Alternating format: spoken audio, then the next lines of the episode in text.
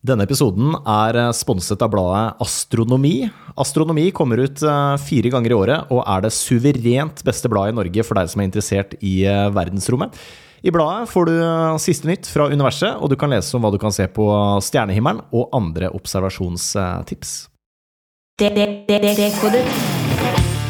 Flere planeter i dette solsystemet er blant de mest lovende kandidatene for å ja, finne eh, forhold som ligner på jorda.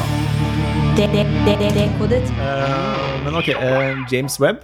Ja. Eh, dette teleskopet som er så høyteknologisk at selv ingeniører blir imponert. Jeg har snakka med Pål Brekke da, om hvordan dette er bygd opp og fungerer teknisk og sånn. Men kan vi ta en liten sånn recap av det før vi snakker om bildene? Altså, Ja, eh, og da er det jo sånn i forlengelsen av det vi allerede har snakket om, så er det jo mye av konstruksjonen er jo da eh, drevet nettopp av det at man ikke har større bæreraketter i dag.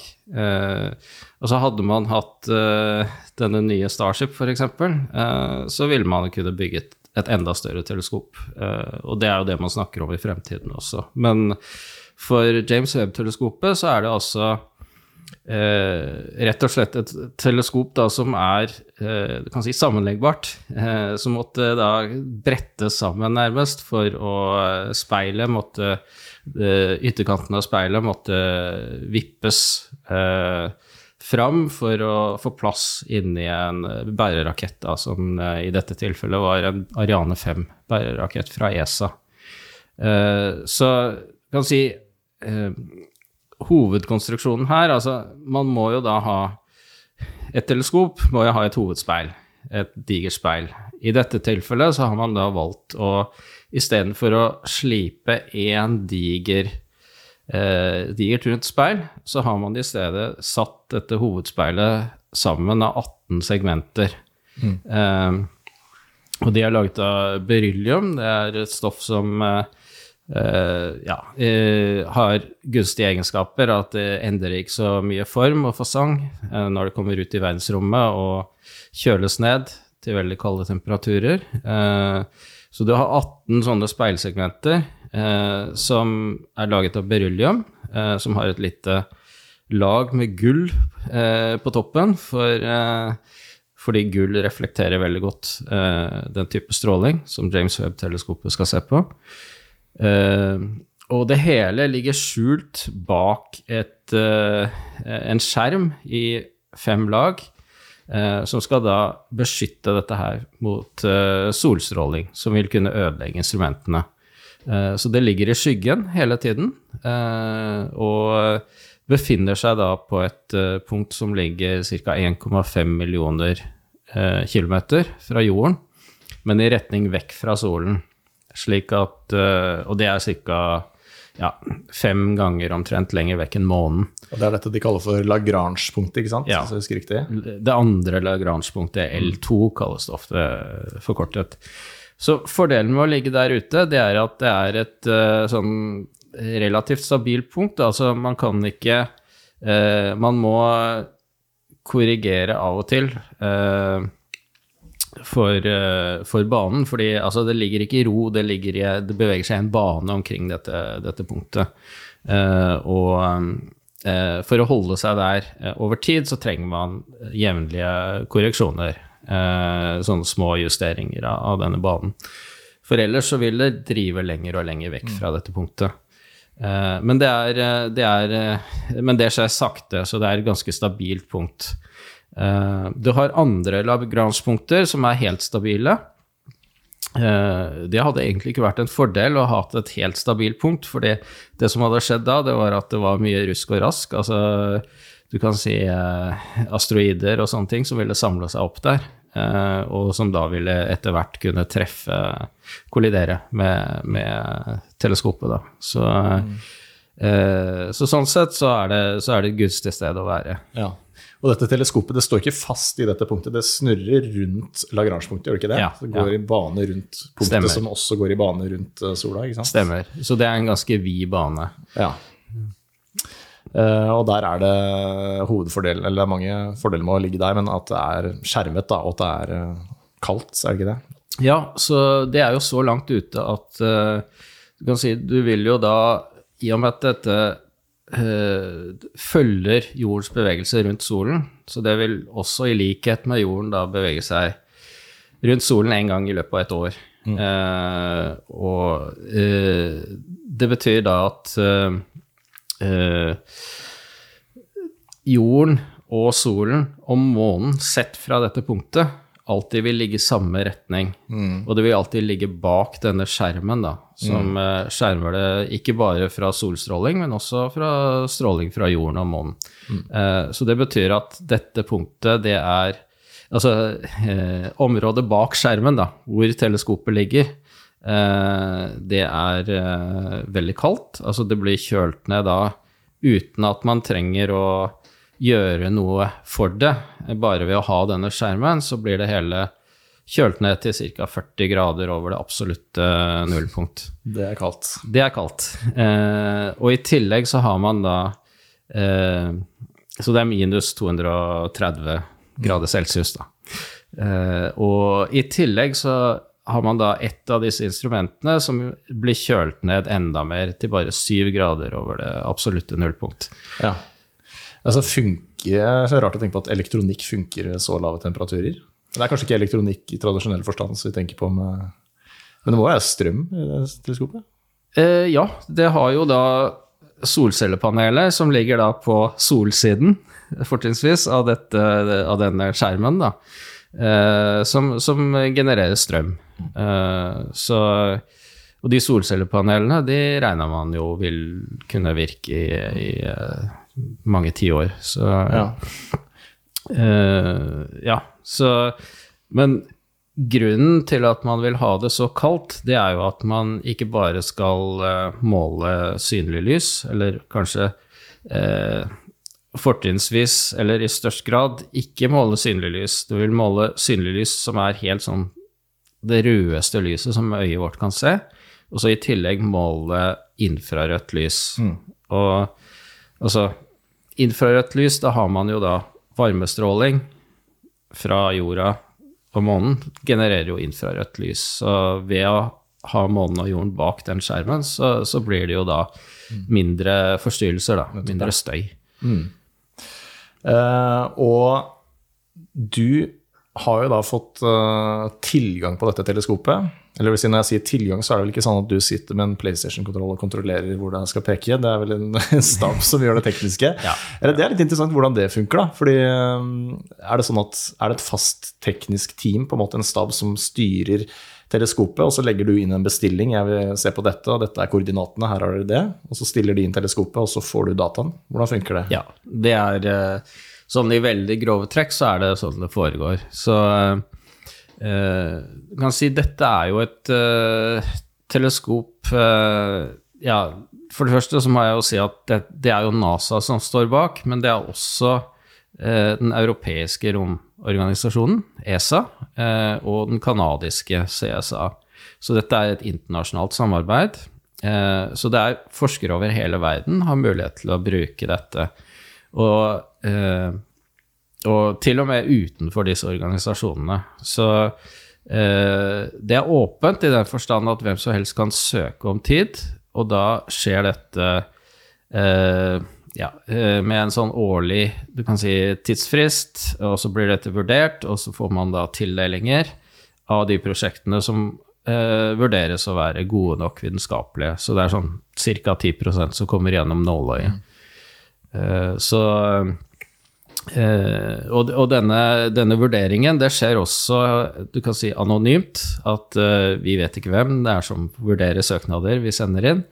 Og eh, de vet heller ikke hvem som har sendt inn søknaden. Så man må skrive det sånn eh, at man ikke avslører hvem man er. Ja. Eh, for at dette skal være kun det vitenskapelige som avgjør, ikke at man har et eller annet kjent navn, Navn, f.eks. Det høres ut som en rettferdig måte å gjøre det på. da. Ja, det, det fungerer veldig bra. Og eh, det som skjer, er jo at eh, eh, Altså, man gikk over til det systemet her for en fem-seks år siden når det gjelder tildeling av tid på det forrige romteleskopet, da, Hubble-teleskopet.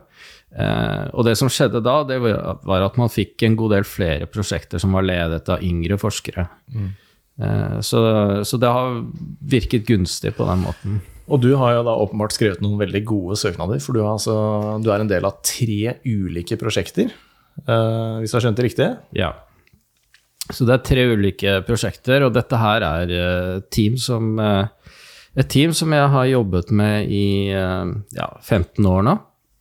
Som, eh, hvor det er folk både fra USA og Europa.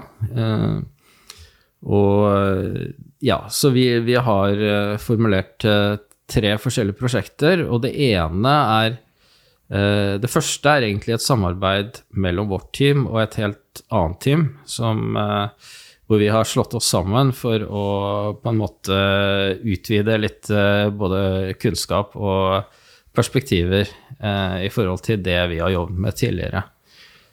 Så eh, jeg vet ikke om jeg skal begynne Jo, å snakke om eh, ja, det kan, vi kan ja. jo ta, altså vi må gjerne gå gjennom alle tre prosjektene. Det, men Ja. er det sånn at det ene prosjektet, der har dere allerede begynt å få, få informasjon og fått bilder? Ja, Eh, ja. Kan du ta det først? Der, det, det var det jeg snakker om nå, så, så det eh, Du kan si fellestrekket for disse prosjektene, så det jeg jobber med til daglig, det er at jeg ønsker å finne ut hvordan på en måte har universet utviklet seg fra starten av til i dag. Og da snakker jeg ikke om helt i starten, da snakker jeg om egentlig tiden fra de første stjernene og galaksene ble dannet for en ja, kanskje 100-200 millioner år etter starten, etter Big Bang, og fram til i dag. Hvordan har dette skjedd? Hvordan har grunnstoffene blitt bygd opp i stjerner? Og hvordan har kan si, eh, eh, astrofysiske prosesser i stjerner eh, og andre objekter bidra til å forme disse eh, galaksene, slik at universet ser ut sånn som det gjør i dag rundt oss. Eh, og det vi gjør eh, det Vi har gjort mye eh, de siste 10-15 årene. Det er å se på eh, Ja, vi ser på fjerne galakser. Vi ser bakover i tid fordi vi ser så langt unna. Og det er jo rett og, slett fordi lyset bruker da så lang tid på å nå oss fra fjerne objekter. Eh, så vi ser typisk tilbake sånn eh, ja, 10-11 milliarder år. Uh, Opptil 12 milliarder år. Så starten var jo da for ca. 13,8 milliarder år siden. Så det er ikke helt tilbake der, men det er, men det er eh, mye tidligere fase i universets historie. Eh, og det som er spesielt med den tidsepoken vi ser på, det var at da ble stjerne dannet i høyest tempo. Okay. Altså stjernedannelsesraten, da, eh, hvor fort det ble dannet nye stjerner, eh, det gikk omtrent ti ganger eh, høyere tempo enn i dag. Yes. Eh, så det var da du kan si de fleste stjernene ble dannet, eller de fleste eh, si, Konverteringen av gass og støv til stjerner, det skjedde eh, i størst grad på den tiden. Eh, og vi vil jo da forstå hvordan dette skjedde, eh, og hvordan forholdene der var annerledes enn slik man ser det der hvor stjerner blir dannet i dag. Eh, og det vi ser, det er jo at på mange måter så så er jo disse galaksene annerledes. Problemet er jo at når ting ligger så langt unna, så er det vanskelig å se detaljer. Eh, selv med James Webb-teleskopet, som gir oss de skarpeste bildene, altså enda skarpere enn vi fikk med Hubble-teleskopet, så er det vanskelig å se detaljer. Så vi, ben, vi benytter oss av et eh, triks eh, et, eh, som naturen har gitt oss, og det er rett og slett at eh, hvis lyset beveger seg forbi eh, et veldig massivt legeme der ute, så blir lyset avbøyd.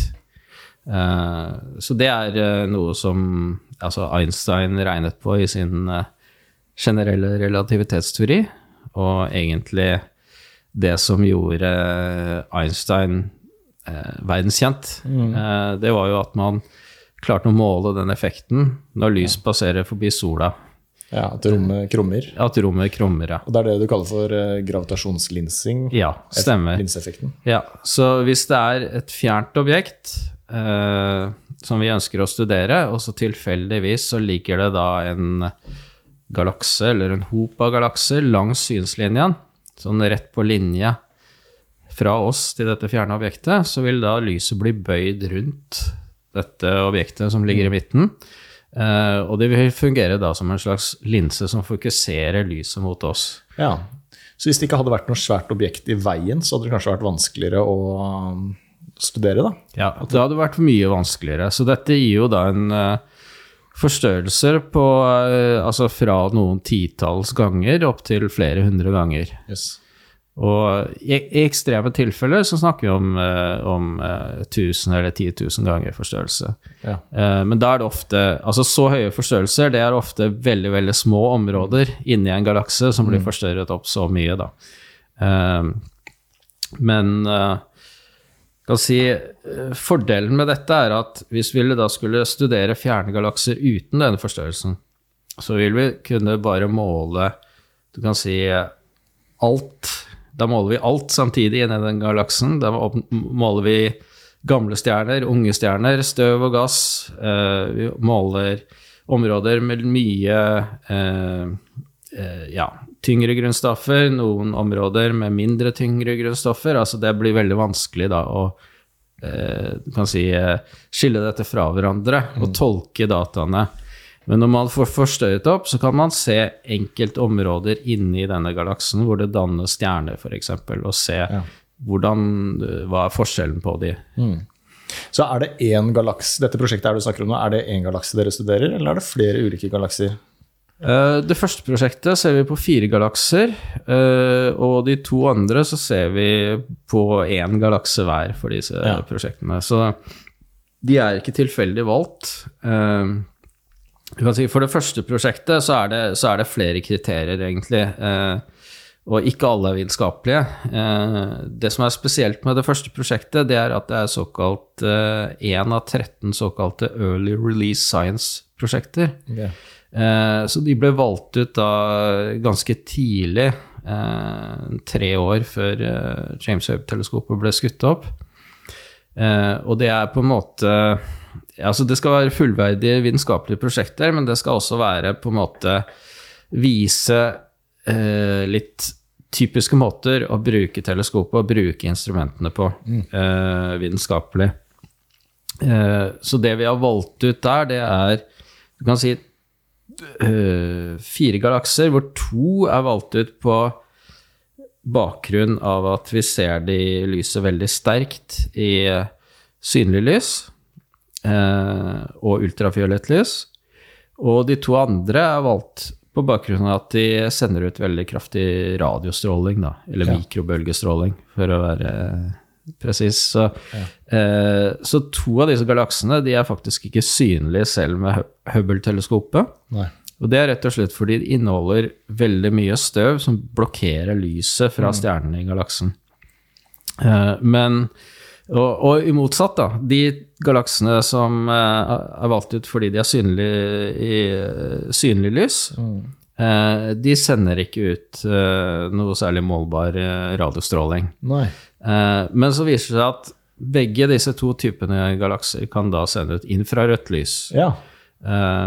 så det betyr jo da at før så har vi på en måte Når vi studerer de to typer, forskjellige typer galakser, så blir det litt sånn å sammenligne epler og appelsiner. Mm. Fordi man har på en måte ikke noe sånn felles referansepunkt hvor man kan studere eh, alle galaksene på samme bølgelengdeområde på samme måte. Mm. Men det kan vi da nå med, med James Webb-teleskopet.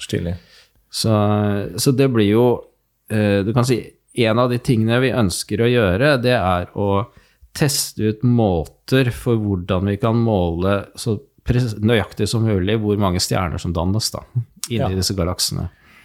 Nettopp. Så, så, Hubble det registrerer da stråling som ligger innenfor det optiske området, altså synlig lys, mens uh, James Webb, som du sier, infrarødt. Da. Og da bruker dere begge teleskopene til å sammenligne?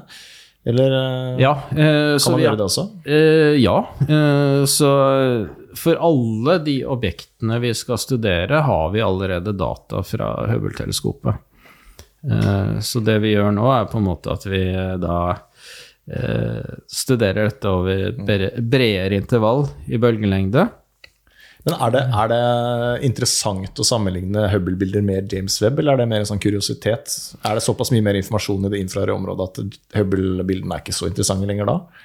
Nei, de, de utfyller hverandre veldig. Okay. Så, så, det er veldig, veldig, mye informasjon å få ut av å, å kombinere ja. eh, data fra Hubble og uh, James Webb-teleskopet. Mm. Um, så du kan si det bildet Når vi ser utover i universet, så ser vi, som jeg sa, vi ser tilbake i tid. Uh, men det som også skjer, det er jo at fordi universet da utvider seg, uh, og denne strålingen har vært underveis i ja, over 10 milliarder år, Eh, mens universet da hele tiden har utvidet seg, når den strålingen har vært underveis mot oss, det som da har skjedd også, det er jo at bølgelengden på strålingen har utvidet seg i takt med universets ekspansjon.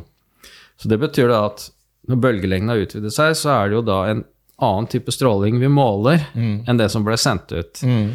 Så når vi ser da på Bruker Hubble-teleskopet til å se på eh, synlig lys, så er da den bølgelengden som vi måler, det er lenger enn den bølgelengden som i utgangspunktet ble sendt ut. Okay, så. så. det vi ser som synlig lys i dag, det ble sendt ut som ultrafiolett lys. Ja, nettopp, ikke sant? Ja. Uh, så hva, hva, er liksom poenget med det, å måle ultrafiolett lys? Altså, ultrafiolett lys, det kommer uh, i veldig stor grad fra unge stjerner. Eh, de yngste og de varmeste stjernene. Så dette er typisk stjerner da, som eh, lever veldig kort. Mm. Eh, de eh, lever kanskje bare i eh, noen få millioner år, eh, til noen få titalls millioner år. mens en stjerne som sola er jo da nesten fem milliarder år gammel. Så, så og inneholder mye mindre masse enn disse, disse veldig varme, tunge stjernene. Så de, de, lever kort og intenst, disse stjernene. Eh, og så er de borte. Men når vi ser denne ultrafiolette strålingen i fjerne galakser, så forteller de oss hvor blir det dannet stjerner. Eh, når vi observerer det da, tilbake. Okay, ja. Hvor ble stjernene dannet? Men det er liksom bare Du kan si de, det er de aller mest lyssterke, varme stjernene vi egentlig ser. Vi ser ikke hvor de fleste stjernene er. Nei. Så du kan si eh, Hubble-teleskopet forteller oss hvor skjer stjernedannelsen, okay. mens James Webb-teleskopet, som ser mer synlig lys på rødere lys, mm. det forteller oss hvor er de fleste stjernene. Mm. Så til sammen så gir det oss et komplett bilde av disse ja. galaksene. Som en sånn synergieffekt, ja. ja. Men Bruker dere da data fra Hubble-teleskopet som allerede fins, eller uh, tar dere nye Hubble-bilder også parallelt med James Webb? Uh, vi, har, uh, vi, har, fått Hubble-data allerede for disse Ja, det vil si vi har, vi har vel søkt om litt flere Hubble-data for noen av disse mm. objektene, men, men uh, i stor grad så har vi det vi trenger fra før. Ja. Uh, som vi har, data vi har fått de siste årene med Hubble-teleskopet. Ja, nettopp. Spennende. Så nå må jeg bare prøve å sortere de prosjektene litt i hodet. For det var jo et prosjekt der dere studerer fire ulike galakser, ikke sant? Ja. Og så var det et uh, prosjekt der dere studerer én galakse som lå 11 milliarder lysår tilbake i tid? Eller ja, lysår unna? Eh, ja, så det, det, er et prosjekt hvor vi studerer én galakse som faktisk er eh, ja, 12,5 milliarder år tilbake i tid. Å, ja, nesten ja, Så den er, det, den er eh, Altså, det er flere ting som gjør den galaksen spesiell. Det er at uh, det er ingen andre galakser vi kjenner på den avstanden som er like lyssterke. Eh, og lysstyrken skyldes jo denne gravitasjonslidseffekten, at den er blitt forstørret opp da, forsterket. Eh, men det er på en måte den som vil gi oss det aller klareste bildet av en galakse på den avstanden. Mm. Eh, og det er en galakse som vi har funnet da, for et par år siden. Yes. Så, eh, så, derfor så vil vi jo studere den i eh, så ja. god detalj som mulig.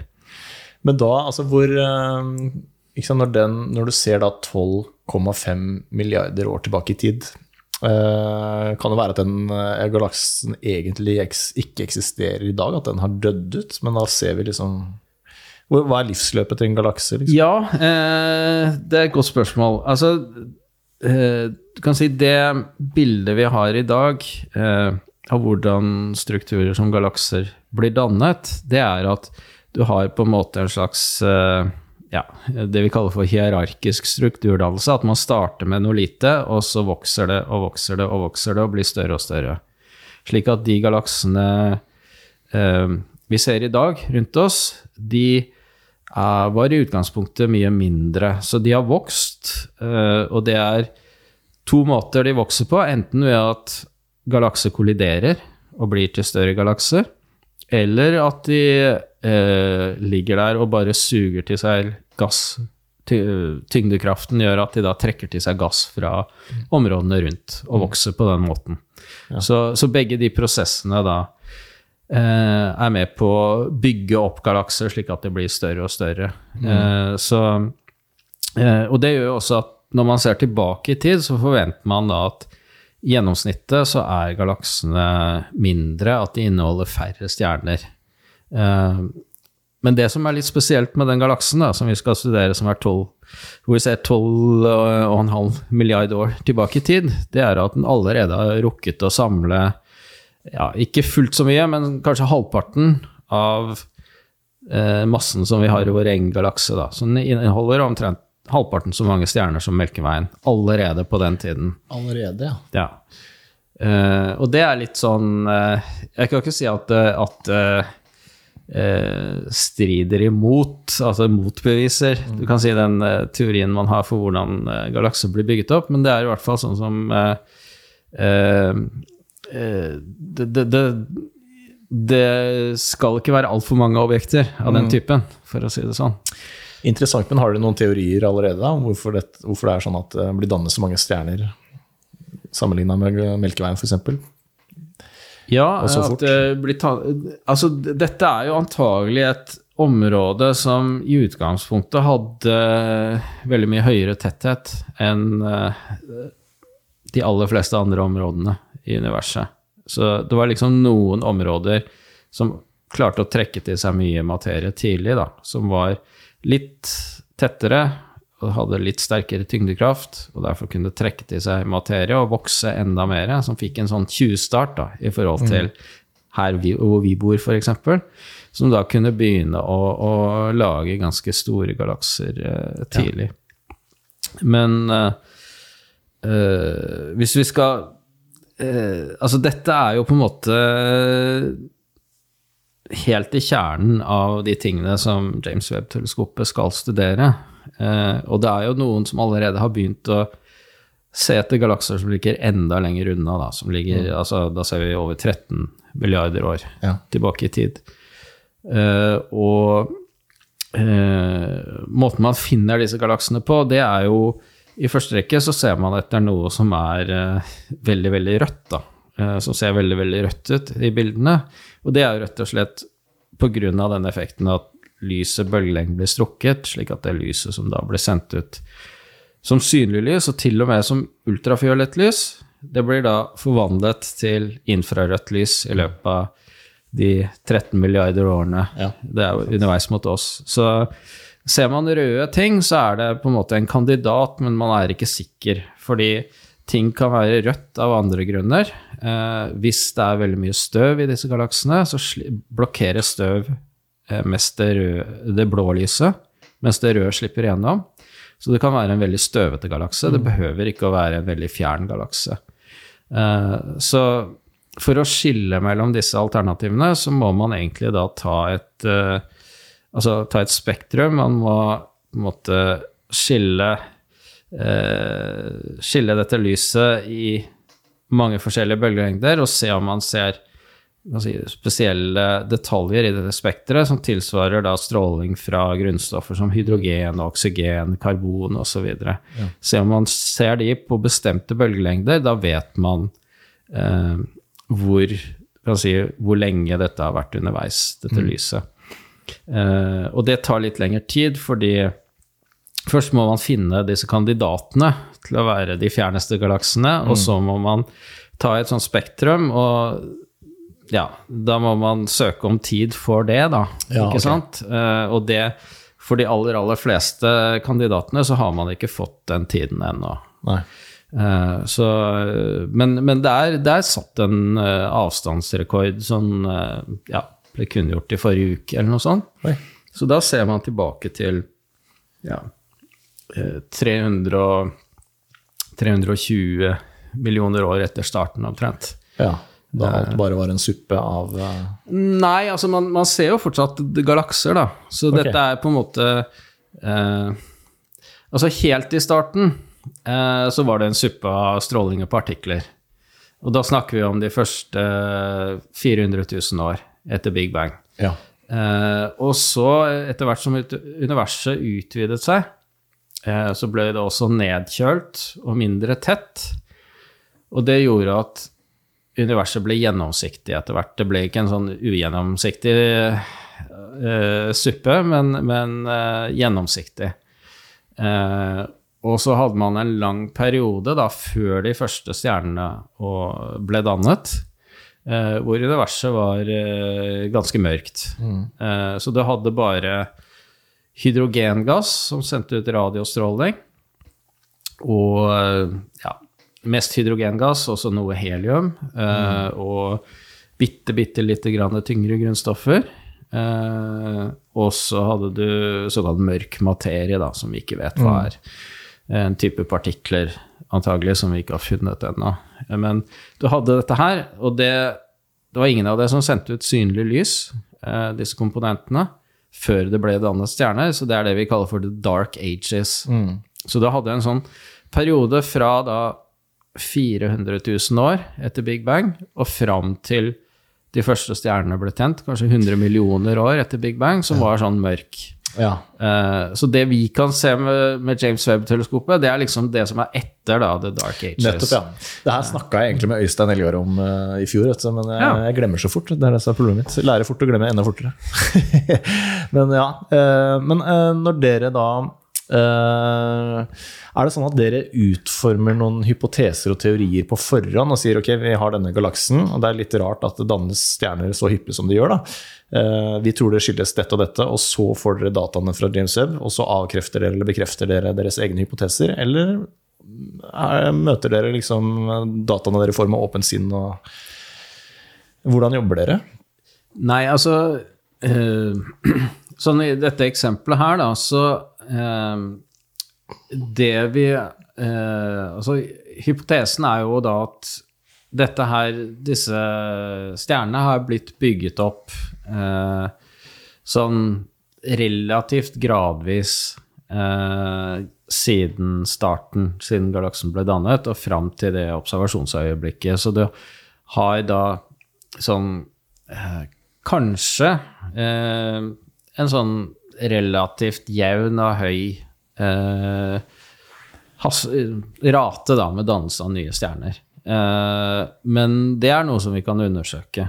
Eh, så vi kommer da til å ta data som kan brukes da til å analysere andelen av gamle stjerner, unge stjerner, hvor gamle er de gamle stjernene, og da kunne på en måte rekonstruere stjernedannelseshistorien, da. Eh, ikke bare til galaksen som helhet, men også innenfor de enkelte områdene i galaksen. Eh, og altså det det ser ut som, det er jo også at de modellene vi har brukt til nå, de må kanskje justeres litt, fordi modellene sier også noe om hvor mange tunge stjerner som blir dannet i forhold til hvor mange mindre tunge stjerner, da, sånn som sola, eh, er ikke av de tyngste stjernene. Du har stjerner som er da flere titalls ganger tyngre, eh, inneholder titalls ganger mer masse enn sola. Eh, og ser vi på Melkeveien f.eks., så har du mange mange flere av de lette stjernene. Mange små stjerner, men ikke så mange svære, tunge stjerner. Eh, men det forholdet kan ha vært helt annerledes på den tiden. Eh, og det er eh, noe vi ser en litt sånn antydning til. At, eh, at eh, det, det forholdet var annerledes, og at eh, det, kan, det kan forklare litt da, av det vi Ja. ser. Sånn, altså Sånne astronomiske størrelser det går helt i surr for meg noen ganger. Men liksom, det, er så, det, er så, store avstander, og det er så mange år at det er snakk om at Men er det, du som forsker på det hver dag, har du, hva forhold har du til disse størrelsene? Som for meg er liksom vanskelig å Ok, 12,5 milliarder år tilbake i tid. Eh, det er så svære tall at jeg klarer liksom ikke å tenke, fatte hvor lang, langt tilbake det egentlig er. Ja, um, Nei, altså det, det, som er litt spesielt, det er jo at uh, du kan si jordas alder, solsystemets alder, det er jo fire Ja, drøyt 4,5 mm. milliarder år. Så det er jo ikke en Ja, altså Litt mer enn en tredjedel da, mm. av uh, universets alder. Mm. Uh, så det er jo egentlig ikke sånn voldsom uh, Altså Altså, jorden har jo eksistert da i en sånn eh, relativt stor del av universets historie. Mm. Ikke, ikke, så mye som halvparten, men, eh, men eh, en ganske stor del. Eh, og det betyr jo også da at de eldste steinene de kan finne på jorden, og du kan finne enda eldre steiner på månen. Astronautene fant jo det. Da kan du holde i hånden da noe som er ja, eh, kanskje fire milliarder år mm. gammelt. Ikke sant? Da får man jo litt sånn Altså, det blir jo ikke Det er jo ekstreme tall, men samtidig så er det jo da noe du kan ta på, ikke sant? Ja, ja. Eh, og det samme når du ser Du snakker om disse vanvittige avstandene, ikke sant? Nå er det noen av disse objektene eh, som ligger langt der ute, mm. eh, som du faktisk ikke trenger noen sånn gigantiske teleskoper for å se. Altså, det holder med et eh, sånn hobbyteleskop som mm. jeg fortsatt har hjemme. Uh, og da kan du se ting som ligger da uh, omtrent like langt unna som de objektene jeg studerer til daglig. Yes. Uh, det er ikke samme type objekter. Det jeg studerer, er på en måte normale galakser som inneholder stjerner, gass, støv osv. Mens disse objektene som lyser så sterkt at man faktisk skal se dem, da er det sorte hull, eller rettere sagt området rundt sorte hull, da, mm. eh, som befinner seg i kjernen til noen av, galakser, noen av galaksene. Eh, disse sorte hullene, de er eh, inneholder da kanskje flere hundre millioner til flere milliarder ganger solas masse. Eh, og ligger inni kjernen til disse galaksene. Og når da støv eh, og gass eh, faller inn mot disse kjerneområdene hvor disse sorte hullene befinner seg, så blir det varmet opp, slik mm. at de lyser ekstremt kraftig. Ja. Så dette ser jo ut da som stjerner. Fordi det er så langt unna, så klarer man ikke å se noen detaljer. Det ser bare ut som et lysende punkt. Uh, og noen av disse lyser jo så kraftig at, at man kan se det i amatørteleskoper. Mm. Yes. Så, uh, ja, så kan, man kan kjøpe et uh, teleskop jeg vet ikke Klasse Olsen, kanskje ikke det, men man må kanskje på en astronomibutikk. Men å da peke opp mot himmelen og se ti milliarder år tilbake i tid. Det er mulig. Eh, nå er det, krever jo litt å liksom finne fram, da. Man bør jo helst ha litt kart eller eh, ja, eh, litt hjelp for å ja finne akkurat det objektet. Ja. Men eh, nei, kanskje det er det jeg skulle ønske meg til jul, da. Men disse størrelsene det er jo sånn eh, Ok, sola sluker oss som er det 4,5 milliarder år ca.? Ja, noe sånt. Og det høres jo På en måte høres det ut som det er veldig lenge til, men på en annen måte, så når man begynner å snakke om universets alder og hvor lenge vi har vært her, og sånn, så er det jo Det er ikke så lenge til. Føler du har dårlig tid? Nei, det, jeg vet ikke om jeg har helt den følelsen. Nei, okay. men, eh, ja. Nei. Nei. Hvis Elon Musk får litt fart på saken, så kanskje det går. Men uh, hvor lenge Disse tre prosjektene som du er en del av, hvor lenge varer de? Um, altså for det første prosjektet så har vi allerede fått en del uh, data. Uh, så det er godt i gang. Altså det, vi var jo faktisk eh, så heldige at vi fikk litt grann data sånn eh, Det var vel omtrent det første prosjektet, eller det nest Ja, det andre prosjektet, ordinære vitenskapelige prosjektet, som det ble tatt data for. Dette var rundt sankthans. Eh, og så har det liksom uh, Ja, kommet sånn med jevne mellomrom, litt mer data. Sånn det siste kom nå på fredag, uh, og vi vil få ja, litt mer i desember, januar, februar, og så de siste dataene antagelig i juni neste år. Og for de to andre prosjektene så får vi litt Det ene får vi litt data i januar, og så får vi litt mer for eh, Så får vi resten av dataene for de to, to prosjektene mellom april og juni. Så det er liksom eh, Ideen eh, hens, Ja, tanken er at alt skal gjennomføres i løpet av det første året teleskopet er i ordinær drift. Ja. Uh, mens nå i slutten av januar så er det da deadline for å søke om nye prosjekter som skal gjennomføres det andre året teleskopet er i drift. Planlegger du å søke om flere? Ja, absolutt. Ja. Ja. Um, og så er det jo andre Det er jo mange som har tilgang på dette teleskopet. Jeg vet at uh, en ting som det teleskopet skal brukes til, er jo å lete etter liv på andre planeter, eksoplaneter. Altså planeter som svirrer rundt um, andre stjerner enn sola. Da. Um, er det WASP den heter, den planeten som man har begynt å sette på allerede? Uh, ja, det er flere planeter. Det er en WASP 39b som uh, man har sett på, blant annet. Eh, og, eh, og eh, ja, eh, du kan si Du kan dele inn i fire hovedområder eh, forskningen som skal gjøres med James Webb-teleskopet. Du har liksom det vi har snakket om til nå, dette med de første galaksene og fjerne galakser. Og også hvordan galakser har utviklet seg gjennom tiden. Det er kanskje mest der jeg er. Eh, og så er det med hvordan danne stjerner og planeter. Eh, da ser man typisk på Altså ikke bare for 10 milliarder år siden, men hvordan dannes det i dag i vår egen galakse. Eh, og så er det dette med å studere planetsystemer, da, som allerede eh, Som er ferdig dannet, eh, inkludert vårt eget planetsystem. eh, vårt eget solsystem. Eh, så innenfor der så har du jo da eh, spesielt muligheten for å studere planeter på størrelse med jorda omkring andre stjerner.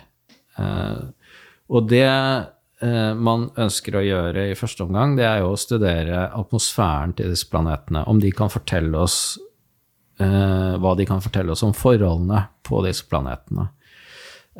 Så det første året så skal man se på 26 planeter som er sånn omtrent på størrelse med jorda, sånn fra omtrent jordstørrelse til dobbelt så store omtrent. 26 planeter. Og noen av disse planetene de ligger for nære stjerna til at det kan være flytende, flytende vann på overflaten, f.eks. Så det, der regner man med at det er for varmt til at det kan finnes liv på overflaten. Og noen av de ligger for langt unna, så det vil være frosset. Eh, Sånn som Mars er i dag, f.eks., og der forventer man heller ikke å, å finne tegn til liv. Men så har du da de som ligger i det man kaller for den beboelige sonen, altså i riktig avstand, hvor det er temperert, hvor det kan eksistere da eh, flytende vann på overflaten. Eh, og man har mulighet for en atmosfære som kanskje ligner mer på den vi har, da.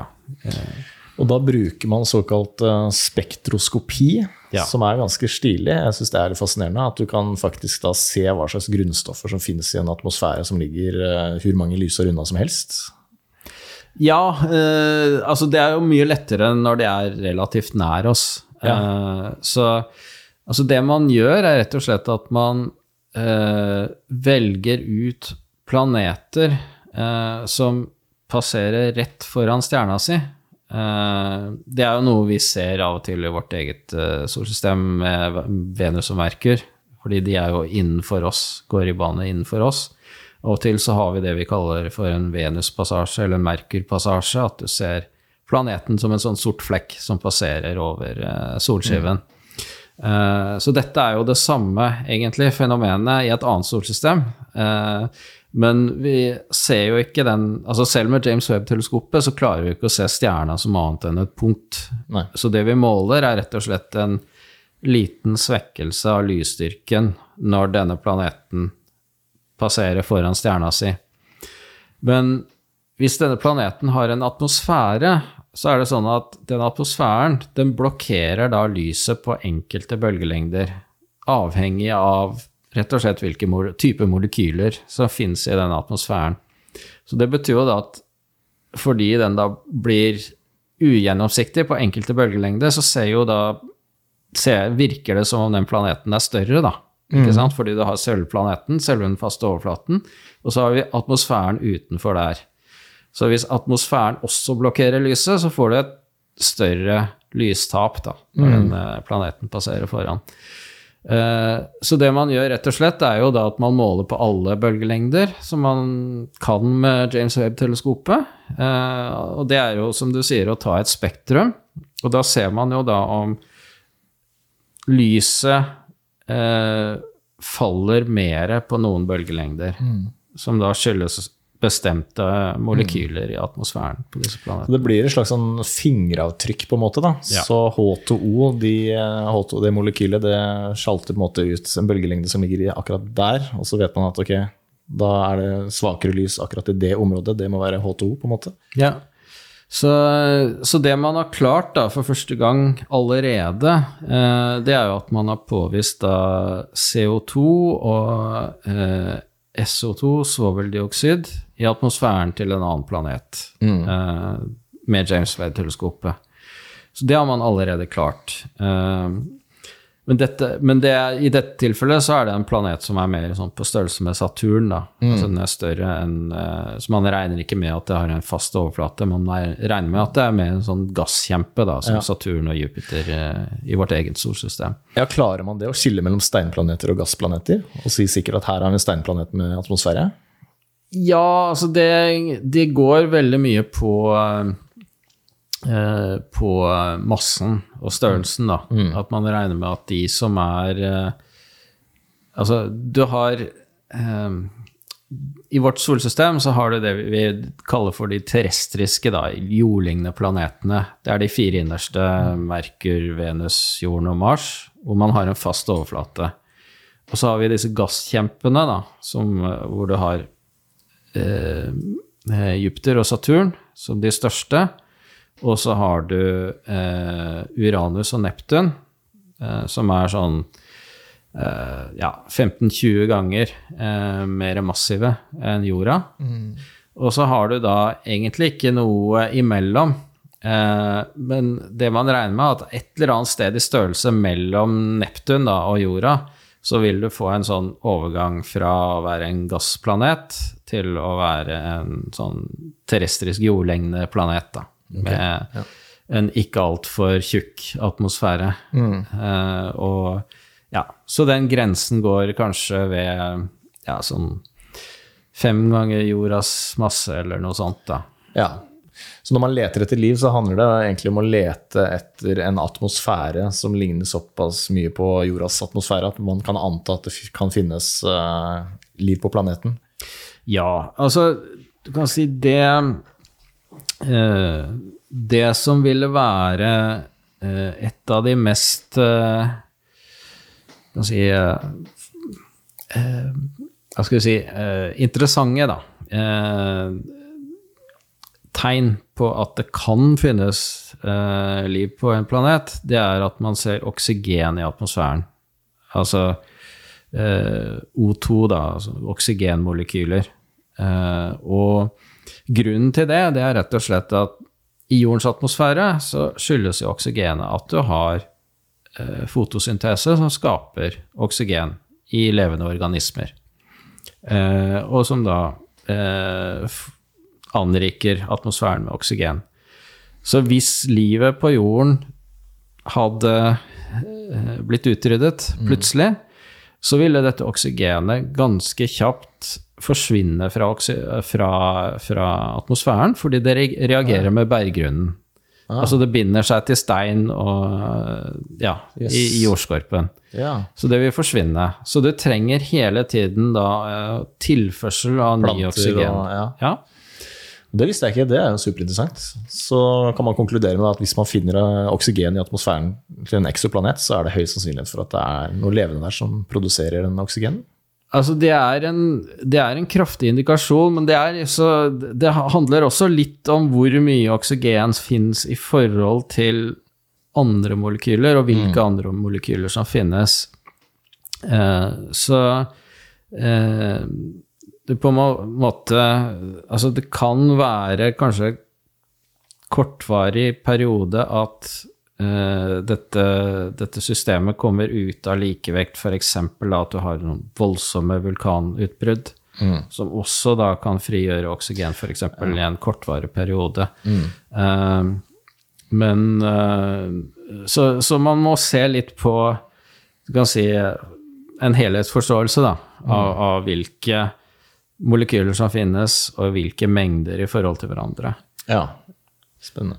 Er det noen ekstra spennende kandidater her? Noen planeter, ekstraplaneter som ligger såpass nærme oss at det, det er litt spennende på den måten? da? Ja. Eh, altså det som mange har snakket om de siste årene, det er et system som heter Trappist-1. Okay. Eh, det er et planetsystem som ligger eh, 39 lysår unna oss. Eh, det er sånn i kosmisk målestokk, det er egentlig veldig nær oss. Eh, så det er et av de mest lovende kandidatene eh, Eller flere planeter i dette solsystemet er blant de mest lovende kandidatene for mm. å ja, finne eh, forhold som ligner på jorda, da. Ja. og det som er spesielt med dette systemet, er at man ser hele syv planeter i systemet som alle passerer foran stjerna si. og denne stjerna Eh, en annen fordel med dette systemet det er at denne stjerna her er ganske liten. Det er en såkalt rød dvergstjerne. Og det betyr da at forholdet mellom størrelsen på planeten og størrelsen på stjerna Planeten er ikke så mye mindre enn stjerna mm. enn det jorda er i forhold til sola, da, som er mye mm. større. Så det betyr at en større andel av lyset blir blokkert. da fra mm. stjerna når den planeten passerer foran. Fordi stjerna er mye mindre enn sola. Okay, ja. Eh, det er en større andel som forsvinner, og da er det mye lettere da å måle mm. atmosfæren til disse planetene. Eh, og det er man i gang med. og altså De første resultatene er allerede eh, presentert. og det var et møte i forrige uke, hvor det ble presentert de aller første resultatene, som da var helt ferske, fra en av planetene som da er i riktig avstand til at det kan mm. eh, ja. eh, At det kan være flytende vann på overflaten. Eh, og, men dette er da bare fra én enkelt passasje. Eh, så det man egentlig trenger å gjøre da, for å få et godt mål på hva denne atmosfæren inneholder, det er å observere etter mange ganger. Mm. Fordi da vil etter hvert for hver gang så får man et, da en ny eh, måling, og da vil signalet da bygge seg opp etter hvert, og ja, man ser tydeligere og tydeligere eh, fingeravtrykkene fra de forskjellige ja. grusstoffene. Stilig. Og hvor mange lysår sa du at dette systemet ligger unna oss? 39 lysår. 30, det er ikke mye. Nei, så den nærmeste stjerna, bortsett fra solen, ligger jo sånn drøyt fire lysår ja. unna.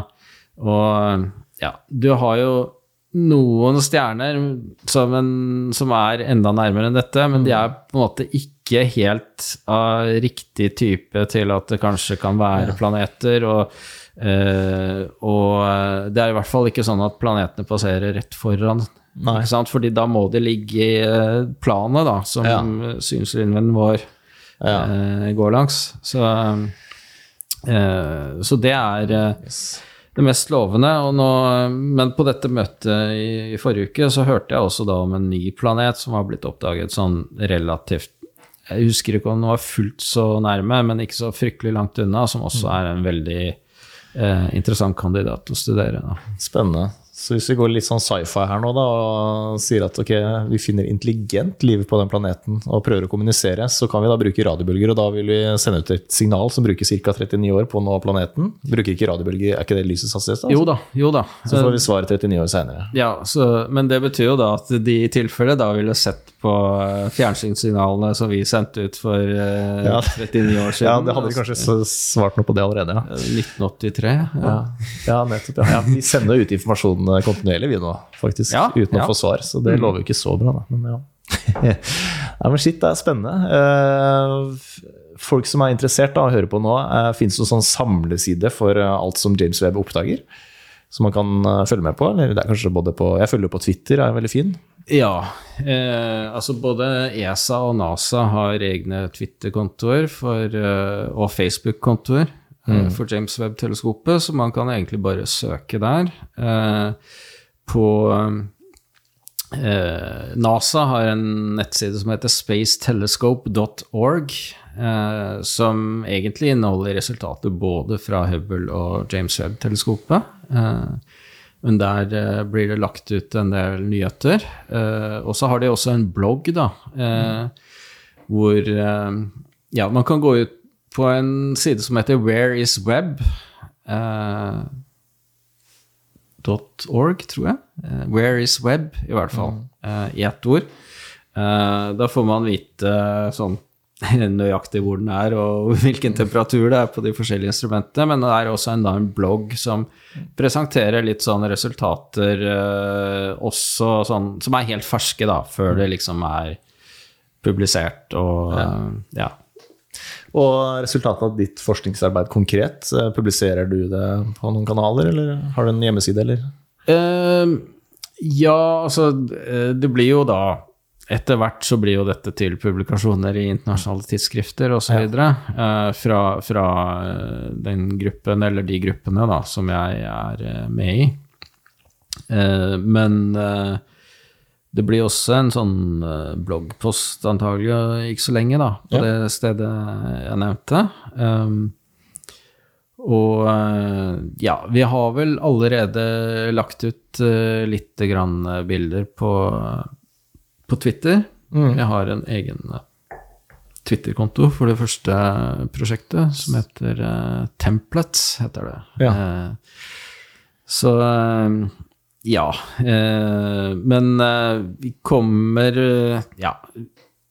Bortsett fra det blogginnlegget, så må vi nok vente litt, tror jeg, til ting er blitt, eh, blitt et artikler ut av det, da. Ja, uh, før vi går ut. Det er ganske vanlig. Og, ja, ikke sant. Ja. ja. Spennende. ok. Helt til slutt, eh, hvis eh, romturisme blir liksom kommersialisert, og for, altså at det ikke koster eh, millioner av kroner da, for å komme seg en skiptur opp i rommet, hadde du tatt turen, eller liker du den best på bakken? Um, også hvis det hadde vært sånn relativt sikkert, og det hadde vært mulig å En overkommelig pris, da, ja. så man ikke må selge huset, liksom. Det er noe med det, altså.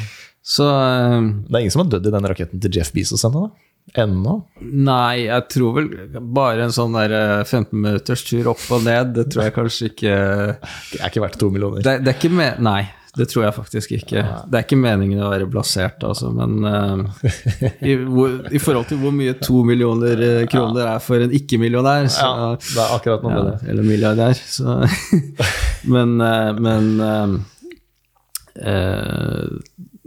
Nei, altså